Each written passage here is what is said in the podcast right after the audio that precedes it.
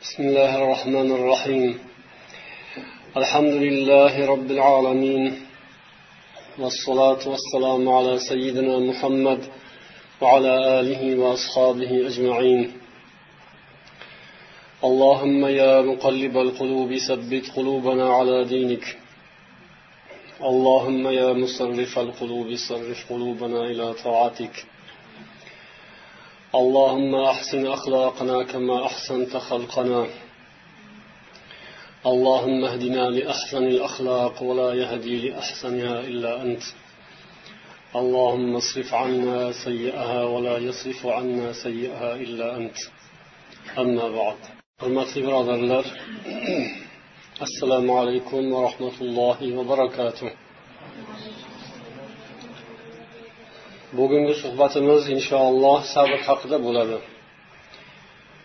Biz axloq mavzusida sizlar bilan o'tkazayotgan suhbatimizni bugun sabr haqidagi mavzu bilan davom ettirar ekanmiz. Sabrning ahamiyati nihoyatda ulug' ekanini esga olamiz. Inson hayotida turli xil holatlardan o'tib boradi.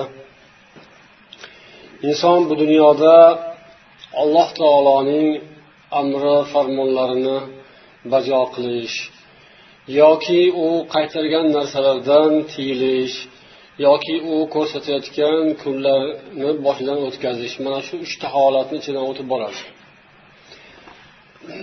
bundan boshqa bo'lishi mumkin emas. Dunyodagi inson ko'radigan o'tkazadigan kunlar mana shu ma'nodan iborat. Yo ibodat allohga uning aytganini qilish bajo qilish yo olloh qaytargan narsalardan tiyilish yoki alloh taolo ko'rsatayotgan mana shu yaxshidir yoki boshqadir dunyoda o'tayotgan kunlarni boshimizdan o'tkazish har xil holatlar buni ichida musibatlar bo'lishi mumkin yoki ne'matlar bo'lishi mumkin. Yo ibodat yo ma'siyatdan tiyilish yoki musibatlarni o'tkazish yoki ollohning ne'matlarini o'tkazish. Mana shu to'rtta narsa to'rt xil holatni agar biz ko'z oldimizga keltiradigan bo'lsak inson shularni ichidan o'tib borishda sabr degan bir ulug' ne'matga muhtoj bo'ladi. Sabr insonga alloh taolo tomonidan ato qilingan bir quvvat insonning nafsoniy quvvati. U ildizi qalbda bo'ladi. Ana shu qalbi insonning irodasi iymoni bir biriga bog'liq narsa. Mana shu insonning sabri bardoshi tahammuli har bir o'rinda o'zini kuchini ko'rsatadi yoki o'zining ahamiyatini ko'rsatadi. Ya'ni inson ibodat qiladigan bo'lsa ham sabrga muhtoj bo'ladi. Inson agar biror bir narsadan tiyilish kerak bo'lsa unda ham inson musibat ko'rsa unda ham yoki ne'matga musharraf bo'lsa bunda ham sabr kerak bo'ladi. Agar odamzodda bu ne'mat nuqsonli bo'lsa unda yuqorida aytilgan to'rtta narsaning hammasi ham nuqsonli bo'ladi. Agar olloh unga sabr degan quvvatdan kamroq ato qilgan bo'lsa u odamning ibodatida halovat bo'lmaydi. U odamning ma'siyatlardan tiyilishda ham ma'no bo'lmaydi. U odamni musibatlarga yoki biror bir og'irroq kulfatlarga yoki oddiy hayotda uchraydigan og'irroq ishlarga duchor kelganda ham u insonni qiyofasi o'zgarib qoladi. Yoki olloh unga ne'mat bersa bu judayam ko'pchilikda bor. Unda ham inson o'zini tutolmay qoladi. Sabr insonga demak har lahzada kerak. Alloh taolo qur'oni karimda to'qsonga yaqin o'rinda sabrni zikr qilgan ekan. Payg'ambarimiz sollallohu alayhi vasallam ham hadislarida juda ko'p marotaba sabrni tilga olib o'tganlar. Alloh taolo sabrli insonlarni maqtagan. Ular bilan o'zi birga bo'lishini va'da qilgan. Bu eng ulug' marhamat. Bu dunyoda olloh sabrli insonlarga ato qiladigan mukofotlarning eng ulug'i mana shu. Albatta alloh taolo sabr qiluvchilar bilan birgadir degan. Allohning birgaligi ulug' bir fazilat.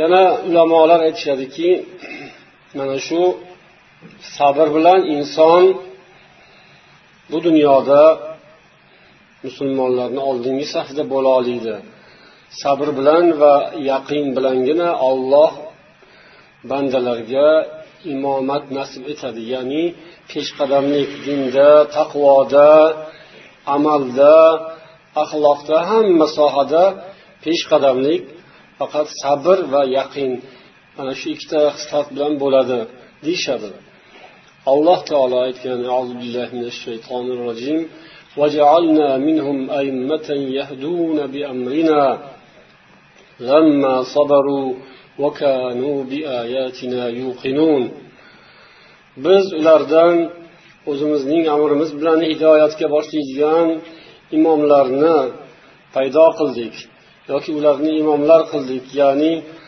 oldinda bo'ladigan musulmonlarni oldingi safda bo'ladigan insonlar qildik.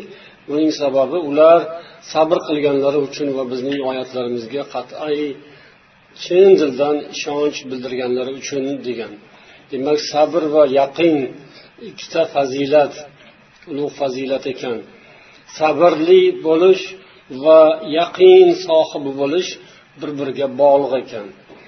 Ya'ni sabr bor odam sabr qila bilgan odamda yaqin sifati ham mavjud bo'lar ekan. Yaqin degani bu qat'iy ishonch iymonning eng yuksak darajasi eng yuqori eng yaxshi ko'rinishi yaqin. Shu yaqin bilan sabrni alloh taolo yonma yon zikr qilgan demak ikkalasi bir biriga chambarchas bog'liq. Sabri mukammal odamning iymoni ham mukammal bo'ladi. Agar insonda sabr noqis bo'lsa iymon ham noqis bo'ladi chunki uning yaqini ya'ni chin iymoniga nuqson yetgan bo'ladi. Sabrning ma'nosi nima? Sabr bu lug'atda al hibsu val kaffu ya'ni bir narsani ushlash hibs qilish bog'lab qo'yish to'xtatib qo'yish. Inson o'zini shariatda inson o'zini nafsini tiyish o'zining irodasini qo'lga olish o'zini o'zi boshqara bilish o'zini olloh buyurgan narsaga bog'lash olloh qaytargan narsaning oldida to'xtata bilish mana shu demak sabr bo'ladi. Alloh taoloning toatlariga rioya qilish olloh qaytargan narsalardan qaytish alloh taolo bu ishga ulug' mukofotlar nasib etgan. Demak sabrni biz kitoblarda ko'p ulamolarning taqsimotlarida uch xil taqsimlanganini ko'ramiz. Ya'ni allohga itoat ibodatda sabrli bo'lish va ma'siyatdan tiyilishda sabr qilish uchinchisi esa alloh taoloning taqdiriga rozi bo'lish. Inson agar mana shu sabr degan xislatga ega bo'ladigan bo'lsa uning ibodatlari ham oson bajariladi. Qiynalmasdan ibodatlarni o'z vaqtida arkonlariga mustahabu vojibotu sunnatlariga rioya qilgan holda ado qiladi.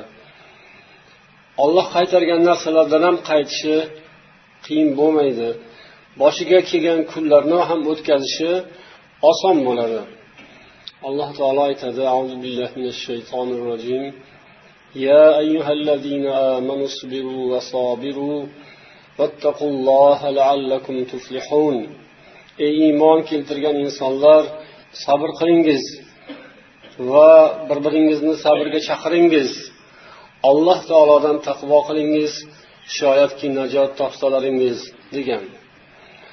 Mana shu yerda olloh sabr va bir birini haqqa chaqirish da'vat qilish sabrga chaqirish taqvo va najotni bir biriga bog'lab zikr qilganini ulamolar ta'kidlashadi. Ya'ni inson mana shu iymon keltirgandan keyin sabrli bo'lish bilan keyin taqvo hosil qiladi va najotga erishadi.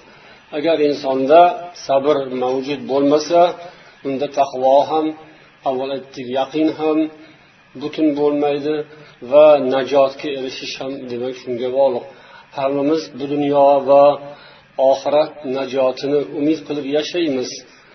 Bu dunyoda ham dunyodagi mushkulotlar musibatlar muvaffaqiyatsizliklardan najot topishga intilamiz. Dunyodagi azobu uqubatlardan allohning dunyodagi azoblaridan ham yoki xorliklaridan ham qutulishga harakat qilamiz. Oxiratdagisidan ham bu najot faloh laallakum tuflihun. Shoyatki najot topsangiz ham bu dunyoda ham oxiratda. Buning sababi omillardan biri demak sabr ekan. Yaxshi amal taqvo ibodat deymiz. Bu hammasi sabrga bog'liq narsa.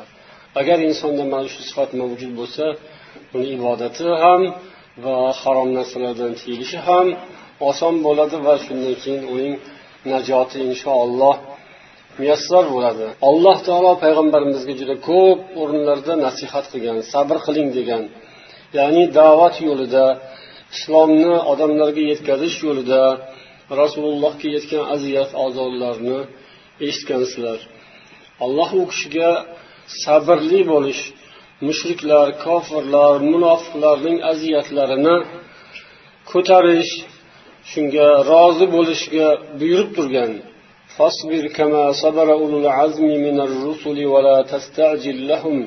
Sizdan avval o'tgan ulul azm payg'ambarlar ulkan ishlarni amalga oshirgan payg'ambarlar sabr qilgani kabi siz ham sabr qiling shoshilmang degan.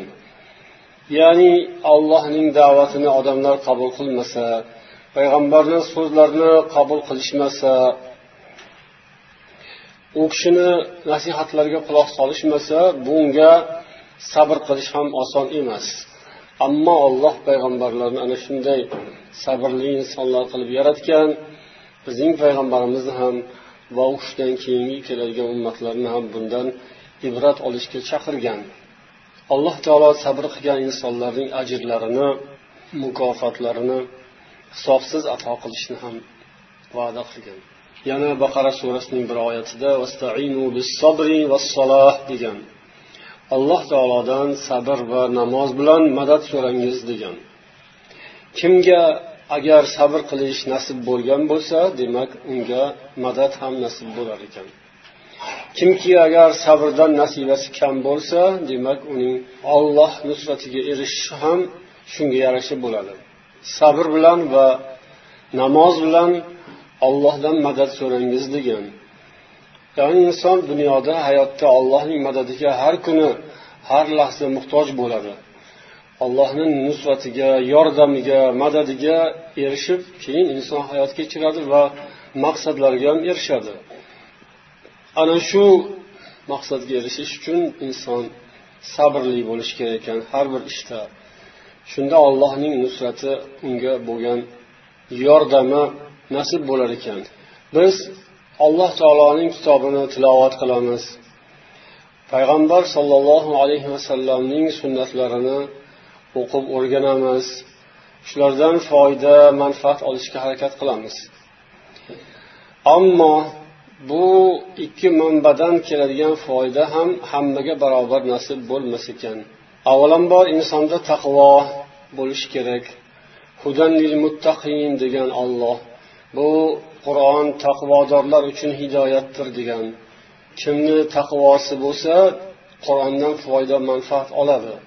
taqvosi oz ko'pligiga qarab foydasi ham shunday oz ko'p bo'lishi mumkin bu narsa yana taqvoga sabrga ham bog'liq ekan alloh taolo aytadiki وَلَقَدْ أَرْسَلْنَا مُوسَى بِآيَاتِنَا أَنْ أَخْرِجْ قَوْمَكَ مِنَ الظُّلُمَاتِ إِلَى النُّورِ وَذَكِّرْهُمْ بِأَيَّامِ اللَّهِ إِنَّ فِي ذَلِكَ لَآيَاتٍ لِكُلِّ صَبَّارٍ شَكُورٍ bu oyatda alloh taolo muso alayhissalomga ko'rsatma bergan muso alayhissalomni shirk zulmatidan islom nuriga olib chiqish alloh taoloning ne'matlarini eslatishga buyurib oxirida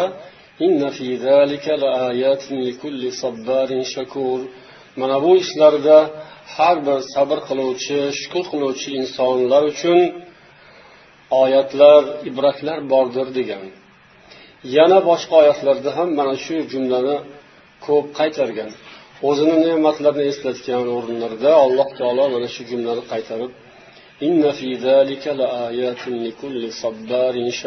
degan. Ya'ni sabr qiluvchi va shukur qiluvchi degan ikki sifatni olloh zikr qilgan. Kimki ko'p sabr qilsa sabbar degan bu yerda shakur degan. Faqat sobir emas sabbor ko'p sabr qiluvchi.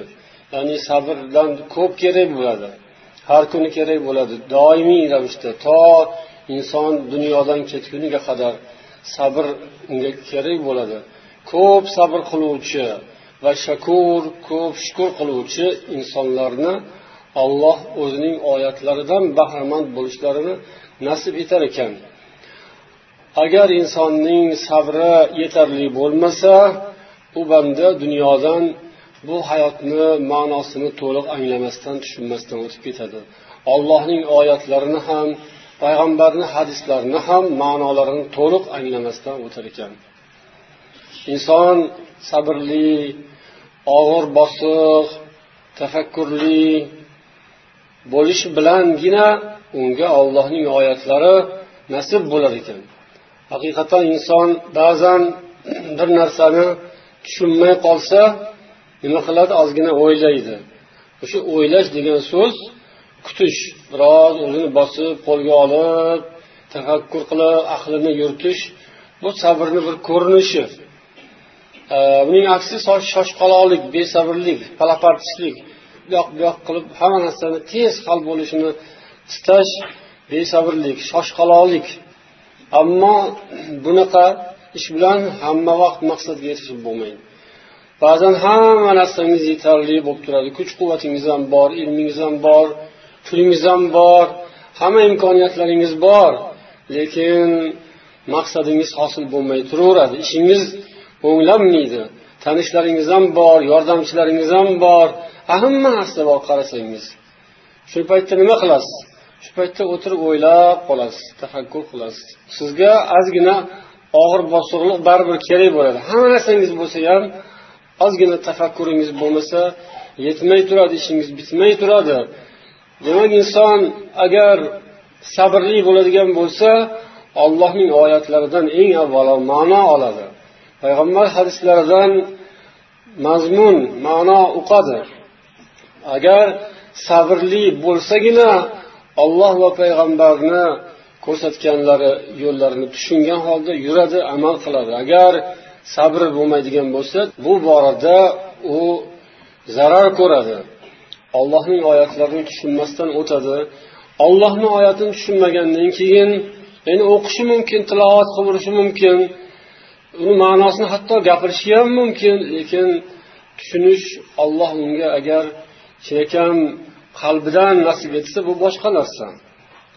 Shundagina insonni hayotiga ham ma'no kiradi. Bu dunyoda inson har xil holatda bo'lishi aniq ammo nima bo'lganda ham inson hayotdan rozi bo'la oladi dunyoda o'tkazayotgan umri ibodatiyu boshqa ishlardan ma'no uqadi va shuni ma'nosi borligini bilib shuni tushungandan keyin keyin qalbi xotirjam bo'ladi.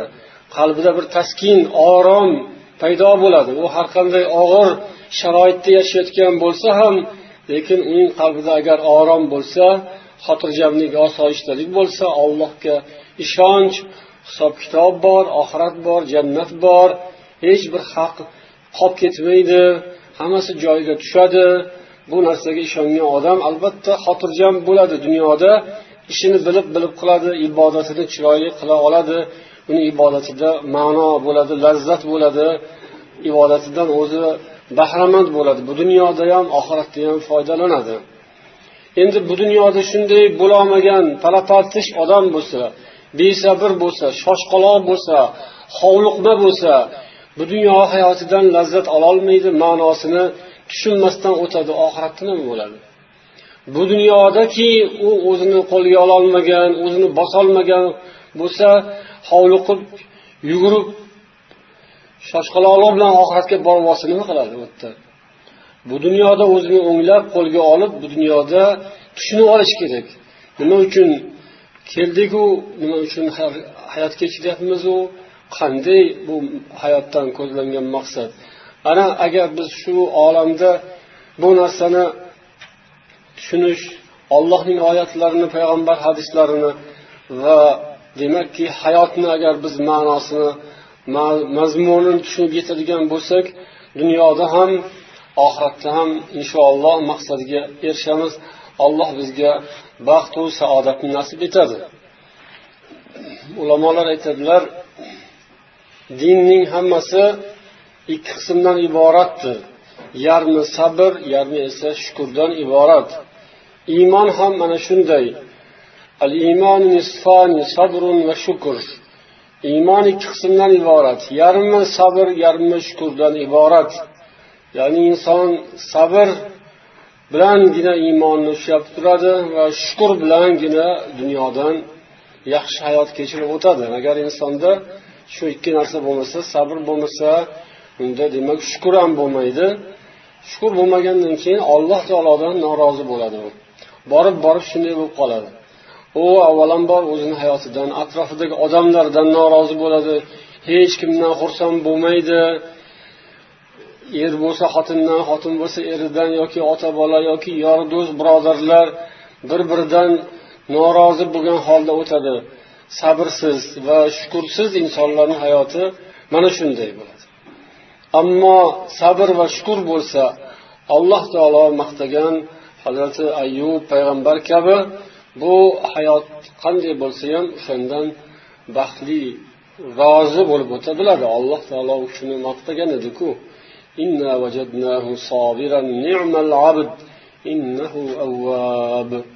Biz uni sobir sabrli bandalar sifatida yozib qo'ydik. Qandayyam yaxshi banda. U nihoyatda alloh taologa itoatkor edi deb ayub alayhissalomni maqtagan. Necha yillar u kishi azob tortgan kasallikka hech kim ko'rmagan kasallikka duchor bo'lganlar hamma odamlar ulardan voz kechishgan ayollaridan boshqa.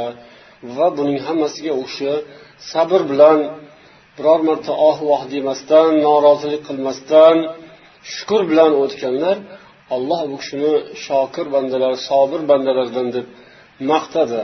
Qandayyam yaxshi banda deb maqtadi. Shu ko'rgan kechirganlarga sabrli bo'lganlari uchun alloh taoloni maqtoviga sazovor bo'ldilar. Qur'on oyatlarini agar mutolaa qiladigan bo'lsak mushohada qilib ma'nolariga ahamiyat qaratadigan bo'lsak alloh taolo hamma yaxshi sifatlarni sabrga bog'laganini ko'ramiz. Avval boshlab yuqorida aytganimizdek dedi baqara surasida. Ya'ni sabr va namoz bilan madad so'rangiz inson alloh taoloning yordamiga imkoniyatga erishish uchun sabr kerak bo'lar ekan. Dunyoda hammaga kerak. Kuch quvvat imkoniyat. Har bir inson ham moddiy ham ma'naviy jihatdan kuchli bo'lishga harakat qilib boshlaydi yoshligidan boshlab. Sport bilan shug'ullanadi yoshlar yoki ilm olishadi. Yoki boshqa kimdir pul topishga harakat qiladi. Bu hammasi quvvat. Bu hammasi insonga madad nusrat yordam bo'ladi. Shu narsalar bilan inson maqsadga erishadi. Ana shu narsani qo'lga kiritish uchun demak insonga sabr kerak bo'lar ekan. Sabr bilangina inson kuch quvvatga erishar ekan. Besabrlik bilan ilm ham ololmaydi.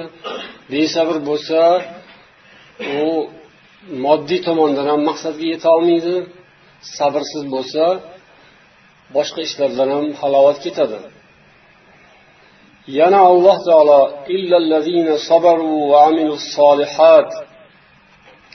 solih amallarga ham sabrni bog'lab zikr qilganini mufassirlar ta'kidlashadi. Solih amallarga muvaffaq bo'lish uchun ham inson sabrni o'ziga kasb qilish kerak. Yana innahu man yattaqi va yasbir degan kimki taqvo qilsa va sabr qilsa degan ya'ni inson taqvoli bo'lish uchun unga ham sabr kerak bo'lar ekan. Taqvosi yo'q odam sabri yo'q odam demak bir biriga o'xshagan odam ikkalasi bir odam. Taqvo bo'lsa sabr bo'ladi sabr bo'lsa taqvo bo'ladi.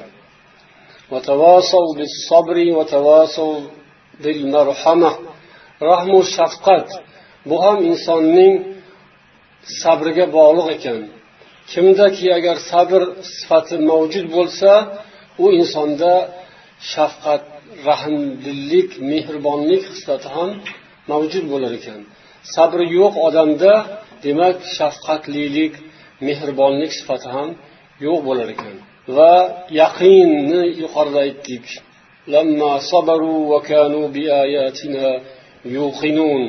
Bizning oyatlarimizga qat'iy ishonchlari mavjud bo'lgandan keyin paydo bo'lgandan keyin biz ularni musulmonlarning oldingi safiga olib chiqdik.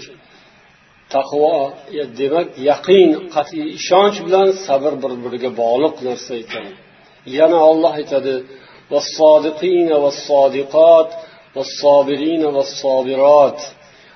doimo rostgo'y bo'lgan erkaklar va doimo rostgo'y bo'lgan rost turgan ayollar va sabr qilgan erkaklar sabr qilgan ayollar. Yana alloh taolo rostgo'ylikni ham sabrga bog'ladi. Demak sabrli odamlargina rostgo'y bo'la oladilar. Sabr bardoshi bor insonlar rost turadilar rost yuradilar. Ya'ni rostlik so'z bilan ishni bir xilligi ich bilan tashini bir xilligi. Buning uchun ham sabr kerak. Sabri bo'lmagan odam demak hamma vaqt bir xilda turolmaydi rost so'zlolmaydi yolg'on aralashadi munofiqlik aralashadi sabrni yo'qligidan. Chunki sabr talab qiladi rostlik. Bir joyda rost gapirib ikkinchi joyda o'sha rostni takrorlash qiyin bo'ladi. Hamma joyda bir xilda rost turish qiyin bo'ladi. O'zaro birodarlarni davrasida rostgo'y bo'lib turish mumkin bo'lib sal begonaroq odamlar ichiga kirib qolganda rost turish ya'ni avvalda qanaqa musulmon bo'lgan bo'lsangiz o'shanaqa musulmon bo'lib turishingiz qiyinroq bo'lib qoladi. O'sha paytda sabr kerak bo'ladi.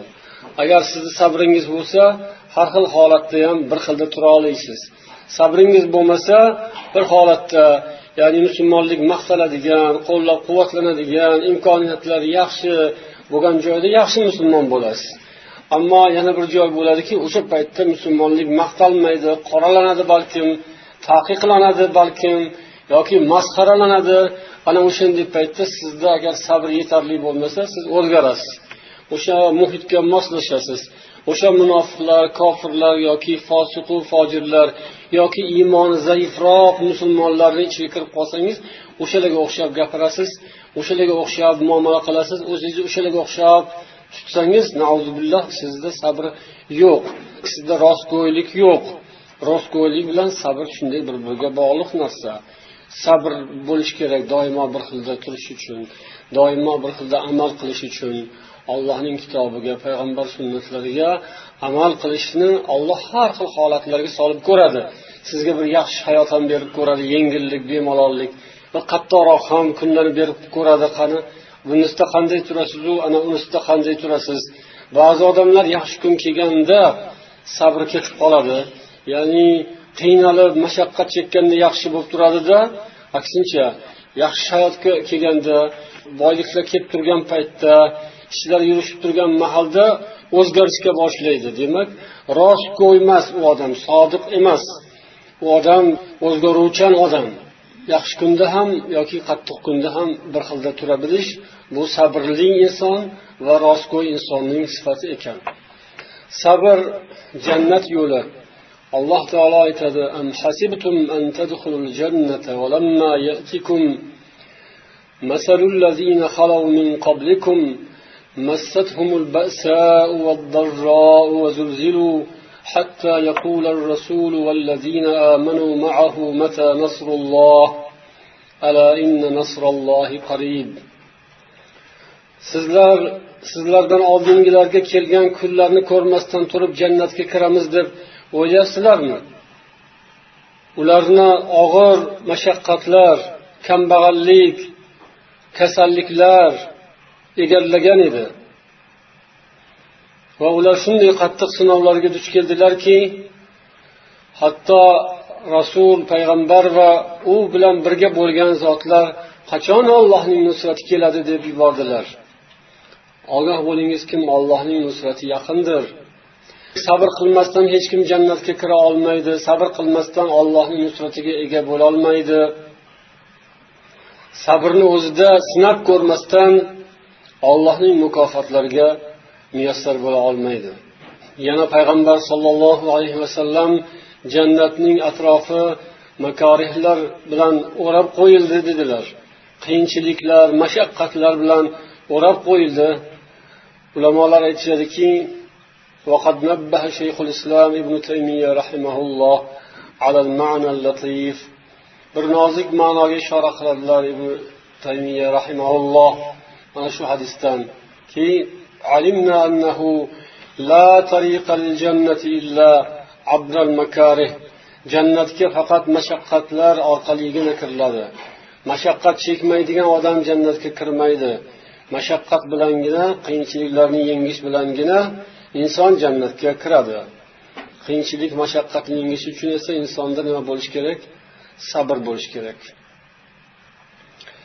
yana inson o'z nafsiga qarshi kurashmaguncha u ham jahannamdan qutula olmaydi. Chunki jahannamning atrofi maishatlar bilan rohatlar bilan farog'atlar bilan nafsga yoqadigan narsalar bilan o'rab qo'yilgan. O'sha narsalardan inson o'zini nafsini tiyish kerak bo'ladi nafsiga qarshi kurashish kerak bo'ladi. Ko'ngli yoqqan ishlardan hammasidan nasiba olaversa bo'lmaydi. Ko'ngliga yoqqan ishni ozgina bo'lsa bir qilib ko'raychi keyin to'xtab olaman desa bo'lmaydi. Ko'ngliga yoqqan ishlarni ko'pi do'zaxga olib ketadi. Do'zaxning atrofi ana shunday ko'ngilga yoqadigan ishlar bilan o'rab qo'yilgan maishatlar rohatlar farog'atlar bilan. Inson ana shu narsalarga o'zini qo'lga olib shu narsalarga qarshi tura bilishi kerak. O'zida kuch quvvat hosil qilish kerak. Birov uni qaytarmasa ham birovni qo'ldan ushlab tortmasa ham yoki uni ro'barasidan chiqib to'xta bu yerdan deb qaytarmasa ham o'zini o'zi qaytara olishi kerak. Bunga ham sabr kerak. Insonda agar sabr mavjud bo'lsa uni birov nazorat qilib turmagan bo'lsa ham o'shanday ishlardan ko'zini tiyadi shunday yo'llardan qadamini tiyadi qo'lini tiyadi yoki tilini tiyadi sabr qiladi va gunohlardan saqlanadi. O'zini nafsini qo'lga olib yaxshi solih amallarni qilishga o'zida quvvat kuch topadi sabrli odam. Ammo sabr kam bo'ladigan bo'lsa solih amallari chala bo'ladi ibodatlari ham chala bo'ladi. Inson makorihlarni yengib keyin ibodatlarni chiroyli qila oladi. Ertalab uyqudan voz kechib keyin bomdod namoziga o'z vaqtida chiqib bo'ladi. Lekin qarasangiz shomda xuftonda odamlar ko'p bo'ladi. Bizning sharoitlarimizda shom xufton namozlari bemalol hamma ishdan kelgan bo'ladi.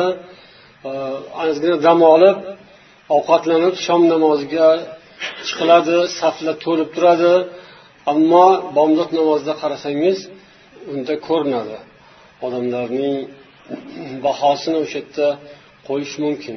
Ba'zan bir saf ham bo'lmaydi. Uchta to'rtta odam bomdod namozini o'qiydi. Kattakon hayhotdek masjidni o'ndan biri ham to'lmaydi. Bu ham insonlarning sabrini ko'rsatadigan bir namoyish qilinadigan bir joy masjid ibodatlar.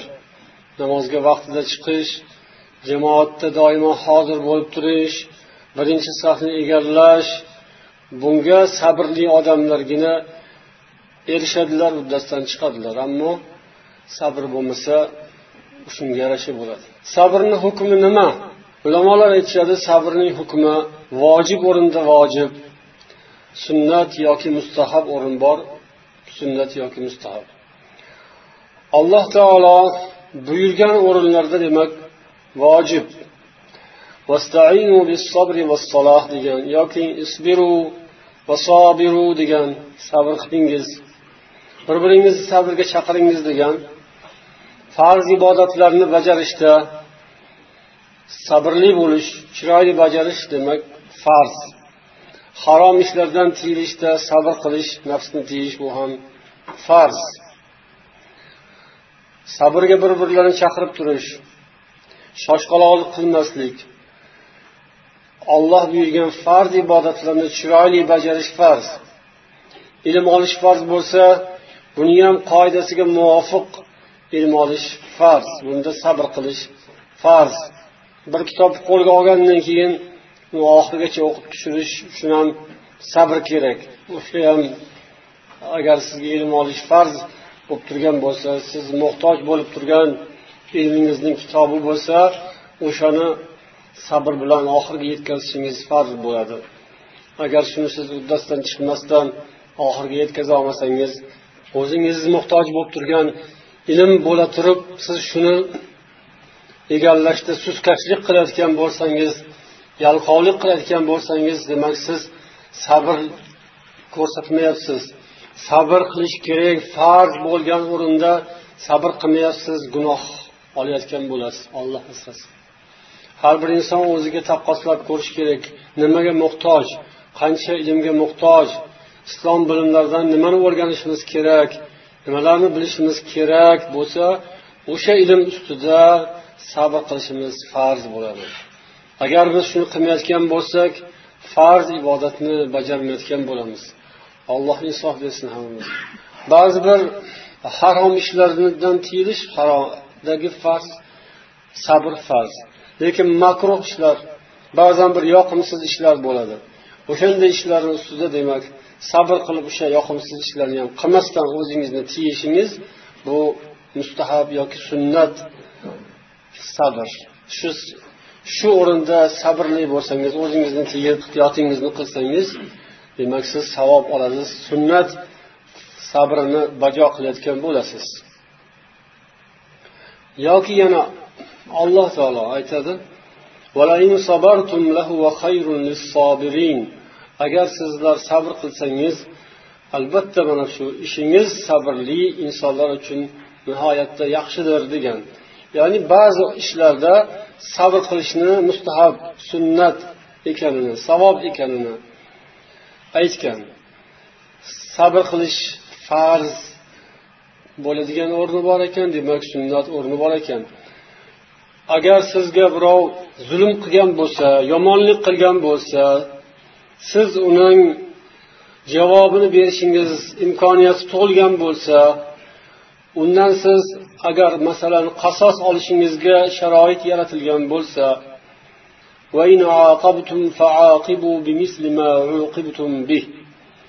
agar sizlar biron bir zulmga duchor bo'lsangizu o'shanga imkoniyat tug'ilib uni jazolashga sharoit ega bo'lgan bo'lsangiz sizga qanchalik zulm qilgan bo'lsalar o'shanchalik miqdorda jazo bering.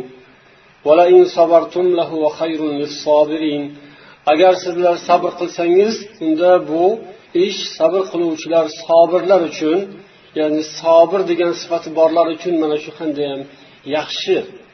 Ya'ni siz o'ch olmasdan intiqom qasos olmasdan kechirib yuborishingiz olloh uchun kechirib yuborishingiz siz uchun yaxshi. Bu sabr ya'ni mustahab savob bo'ladigan sabr vojib emas.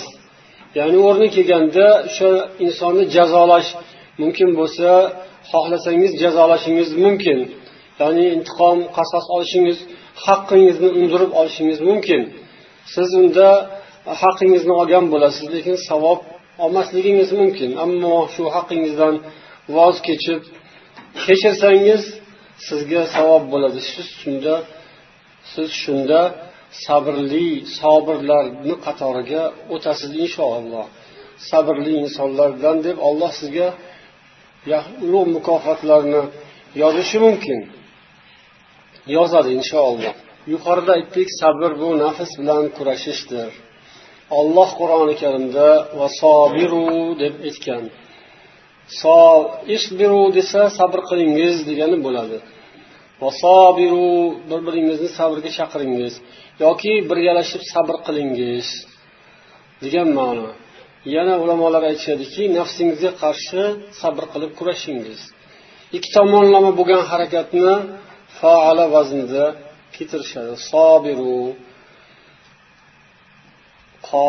qotila yoki sobara bo'lsa ikki tomonlama bo'lgan harakat. Qotila ikki tomon urushdi.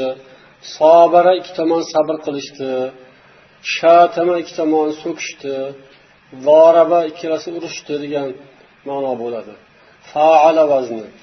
Bu yerda ham olloh sobara vazni sobiru deb keltirgan ekan. Sabr qilishingiz buning ma'nosi sizlar dushmaningiz bilan sabr bilan kurashingiz sabrli bo'lib kurashingiz. Ya'ni u dushmaningiz avval birinchi dushmaningiz o'zingizning nafsingiz o'zingizning ichingizda bo'ladi. U sizni doim yomonlikka boshlaydi. O'shanga qarshi kurashingiz sabr bilan degan ma'no ekan. Inson o'zini nafsiga qarshi sabr qilishi kerak bo'ladi. Nafs buyurgan narsalardan tiyilishi kerak bo'ladi. Ulamolar aytishadiki mana shu o'rinda sabrni ikki qismga bo'linadi. Birinchisi jismoniy sabr ikkinchisi nafsoniy yoki ruhoniy yoki nafsiy sabr. Bularni ham ikki qismga bo'lamiz deyishadi. Jismoniysi ham ikki qism bo'ladi nafsoniysi ham ikki qism bo'ladi. Ya'ni ixtiyoriysi bor majburiysi bor. Har ikkovini ham. Jismoniy ixtiyoriy sabr. Bu og'ir mashaqqatli ishlarni o'z ixtiyori bilan bajarish. Biron bir ishni o'zingiz tanlab ixtiyoringiz bilan bajarishga kirishasiz. Qiyin ish. Jismonan sabr qilishga to'g'ri keladi. Yoki ikkinchisi jismoniy majburiy iztiroriy sabr. Biror bir musibat yetsa kasallik yetsa siz bunga sabr qilasiz. Bu majburiy sabr bo'ladi. Endi nafsoniysi ham ixtiyoriysi bor va majburiysi bor. Mana shu o'rinda hayvonot olamiga ham bir nazar solib hayvonlar ham mana shunday sabrda odamlar bilan sherik ekanligini aytishadi. Ya'ni hayvonlar ham mana shu ikki sabrda iztiroriy sabrda sherik bo'ladilar. Lekin ixtiyoriysi esa bu inson bilan hayvonni o'rtasini ajratadi. Ya'ni majburiy sabr qilish hayvonga ham biror bir musibat yetadi qorni och qoladi yoki kasallik yoki ikkitasi urushib qoladi bir biri bilan o'shanda qiynoq azobga ular ham sabr qiladi. Chidaydi ya'ni shuni ko'taradi. Ochlik bo'lsa chidaydi. Biron bir joyga jarohat yetsa chidaydi bu inson bilan hayvon o'rtasida barobarlik bir jihatdan barobarlik. Lekin ixtiyoriy sabr bo'ladi bu inson bilan hayvon o'rtasini ajratadi. Hayvon hech qachon ixtiyoriy ravishda sabr qiladigan qiyin ishni tanlamaydi. Doimo oson yengilni nafsiga yoqadiganini tanlaydi. Hayvon shu nafsi bilan hayvon. Uni hayvonlik sifati shu nafs. Lekin insonda aql bor va nafs bor. Agar aqlga bo'ysungan bo'lsa inson. Agar aqli zaifroq bo'lsa aqli yoki ishlatmasa nafsini aytganini qilib yurgan bo'lsa u hayvonga yaqin inson bo'lib qoladi. Donishmandlardan birlari aytadilarki ahli donish hakimlardan birlari ما غلبني رجل كما غلبني شاب من مرو maruvlik bir yigit mani mag'lub qildi so'z bilan ya'ni ma'no bilan man hech kimga bunday mag'lub bo'lmagan edim bir kuni u menga massobru deb savol berdi sabr deganni nimani tushunasiz deb so'radi man unga aytdimki faqadna agar topsak yeymiz topmasak sabr qilamiz. Sabr shu. Ya'ni olloh bersa ne'matlar alhamdulillah. Olloh bermasa shukur sabr unga. Sabr shunaqa bo'ladi. Borida yeymiz shukur qilamiz alhamdulillah deymiz. Yo'qda sabr qilamiz. Boriga shukur yo'qga sabr deyiladiku. Hammamiz shunaqa deymiz a boriga shukur yo'g'iga sabr. Haligi kishi ham shunaqa bizga o'xshagan ekan. Shunaqa debdilar ya'ni borida shukur yo'g'ida sabr qilamiz. Keyin haligi yigit aytibdiki bu bizda marida itlar ham shunaqa qiladi. Bizni marida itlar ham shunaqa qiladi. Bizni itlarimiz ham mana shunaqa sabr qiladi. Bo'lsa yeydi bo'lmasa nima qiladi? Yuraveradi qidirib. Bo'lsa yeydi unda sizlarni tushunchangizda sabr nima haligi yigit aytdi in faqadna sabarna va in vajadna asarna va atayna g'ayrana agar yo'q bo'lsa sabr qilamiz. Bor bo'lsa o'zimizdan boshqalarni muqaddam tutib boshqalarga taqdim qilamiz. Bor bo'lsa yeymiz yo'q bo'lsa sabr qilamiz. Bu biz. Sizlarhammi bilmadim. Biz shunaqamiz. Bor bo'lsa yeymiz. Alhamdulillah deb. Yo'q bo'lsa sabr qilamiz. Bizni yaxshimiz. Yaxshilarimiz shunaqa. Yomonlarimiz bo'lsa yo'q bo'lsa to'polon qilib yuboradi. Hamma yoqqa o't qo'yib yuboradi. Ag'da to'ntar qilib tashlaydi. Yo'q bo'lsa. Yaxshilarimiz bor bo'lsa e, yo'q bo'lsa sabr qilamiz. Shukur qilamiz. Boriga yo'g'ida sabr xudo beradi. Shoshmay turing. Sabr. Olloh bu kunni bergan ertangi kunni ham beradi deydi yaxshilarimiz. Ammo haligi donishmandlarni so'zini qarang. E, bu bu sabrni itlar ham qiladi. Itlar ham mana shunaqa sabr qiladi. Bo'lganda yeb yo'q bo'lganda yuraveradi tilini osiltirib yomonroq aytib bo'lsa ko'rsatadi itligini lekin haqiqiy sabr qanday? Bo'lganda yo'q bo'lganda sabr. Alhamdulillah. Bor bo'lganda esa marhamat. Fahm ko'ring sizga ham boshqalarga ham. Demak o'zimizdan boshqalarga taqdim qilamiz. Boshqalarni o'zimizdan ustun ko'ramiz asarna boshqalarni haqqi oldinroq hal bo'lsin. Biz shuni azobini tortdik qiyinchiligini ko'rdik yo'qlikni qiyinchiligini ko'rdik. Endi hozir bor bo'lganda boshqa yo'qlarni qidiraylik yo'qlarni yo'qlaylik. Ular ham o'sha biz ko'rgandek kunni ko'rayotgan bo'lsa biz tortgan alamni og'riqni azobni tortayotgan bo'lsa biz o'shalarni holidan xabar olaylik. O'shalarga taqdim qilaylik o'shalarni ham o'ylaylik deyish bu sabr ekan bu. Olloh bizga ham nasib etsin.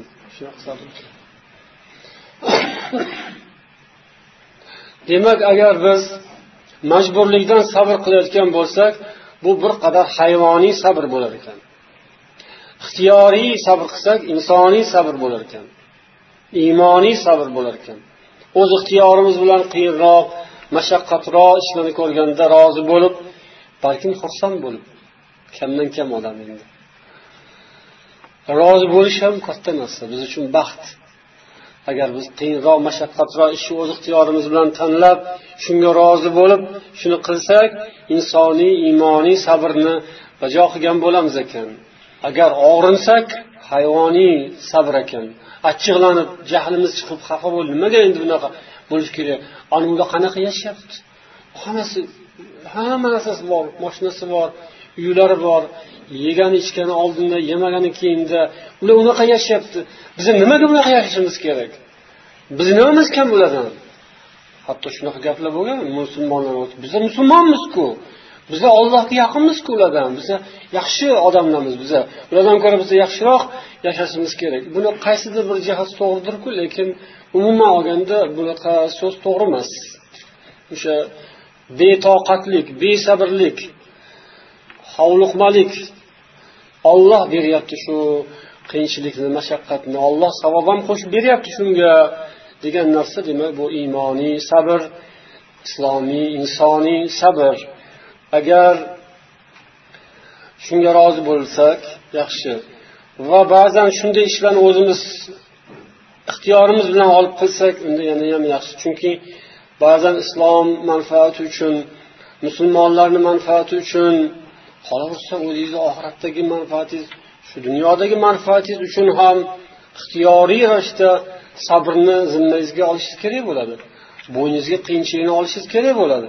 Ixtiyoriy shunda siz xafa bo'lmasdan og'rinmasdan shu ishlarni qilsangiz o'zingizga ham oilangizga ham jamoatingizga musulmonlarga oxiratingizga foyda islomga foyda.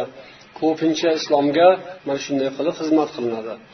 Xalqqa musulmonlar manfaatiga sizdan bir xizmat sinishi uchun sizga sizdan bir foyda yetishi uchun ixtiyoriy sabrni bo'yningizga olishingiz kerak bo'ladi.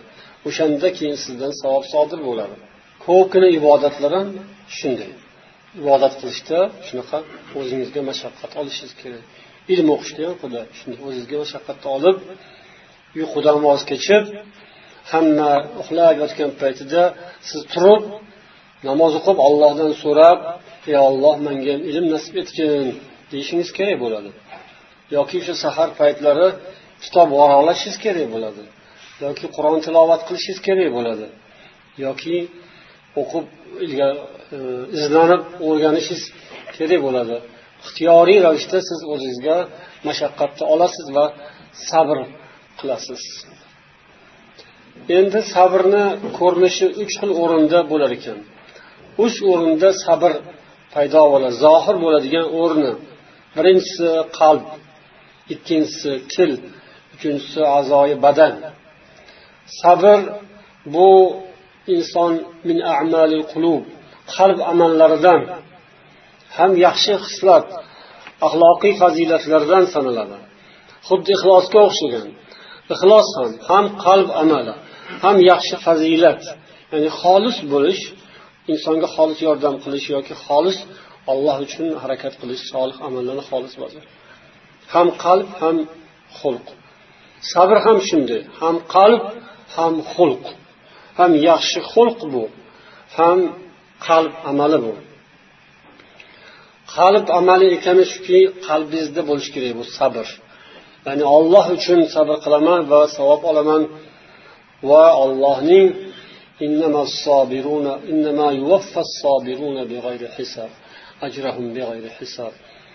ollohning oyati faqat sabrli insonlar ajrlarini mukofotlarini behisob oladilar degan. Sabrli odam uchun hisobsiz mukofot beriladi. Boshqa amal uchun emas. Sabr uchun. Ro'za va sabrda zikr qilingan. Ro'za ham sabr amalida. Sabr behisob savob oladigan o'rin. Shunga sabab demak inson qalbida shuni his qiladi. Sabr qalbda paydo bo'ladi. Keyin u tilda va a'zoy badanda zohir bo'ladi. Agar sizning qalbingizda chinakam rostakam sabringiz bo'lsa tilingizda va a'zoy badaningizda aks etadi. Agar sizning qalbingizda sabringiz bo'lmasa o'shaning aksi tilingizda va a'zoy badaningizda aks etadi. Har ikkisi ham. Demak sabr ham besabrlik ham insonni mana shu uchta a'zosiga bog'liq bo'lar ekan. Kimni agar qalbida sabr bo'ladigan bo'lsa uning tili chiroyli bo'ladi. Tili risolada bo'ladi. Bir maromda bo'ladi. Bir maromda ishlaydi. Va a'zoyi badani ham hammasi o'ziga xos bo'ladi tutib olingan bo'ladi. Ya'ni og'ir bosiq bo'ladi. Va foydali ishlarni qiladi qo'li. Foydali yo'llarga bosadi qadamni agar insonning qalbida sabr bo'lmasa uning qalbida har xil kirlar paydo bo'ladi. Keyin atrofga yomon ko'z bilan qarashga boshlaydi. Qalbda sabr yo'q shuning uchun ko'zda olov o't bor. Ko'zida hasad bor ko'zida fitnalar ko'zida adovat nafrat yog'ila boshlaydi boshqa tomonlarga qarab. Xuddi ayb bularda o'zi oppoq hamma aybdor mana boshqalar. Mana shularni kasri kasofati astag'firulloh. Shularni yomonligi sababli bungadir nimadir bo'lyapti. Bu qalbida sabr yo'q odam. Qalbida sabr bo'lsa ollohdanku shoshmay turgin sanga ham bo'ladi xudo xohlasa. Bularga bo'lgan sanga ham bo'ladi. Agar bo'lmasa kattaroq bo'ladi. Agar bularga bo'lgan sanga bugun bo'lmasa ertaga bularnikidan kattaroq bo'ladi senga shunga rozi emasmisan? Qaysinisi yaxshi? Bugun xursand bo'lib olib ertaga yo'q bo'lgani yaxshimi yoki bugun bo'lmasa ham ertaga yaxshisi bo'lgani yaxshimi? Demak qalb agar sabrli bo'lsa uning a'zoyi badanida ham bu zohir bo'ladi. Tili yaxshi so'zlarni so'zlaydi shikoyatdan tiyiladi. Hasrat nadomat afsus bunday narsalar tildan chiqmaydi. Ammo ba'zi odamlarni ko'rsangiz aytadiku hasratidan chang chiqadi deydi. Holiga maymunlar yig'laydi deydi. Nimadan? O'sha bu yerda sabr yo'q keyin bu yog'i ham shunga yarashadi. O'zini ham tutolmaydi. Ha u yoqqa ha bu yoqqa tashlaydi. Tilidan bodi kirib shodi chiqadi. Har xil gaplarni gapirib tashlaydi. Bu uning sabri yo'q.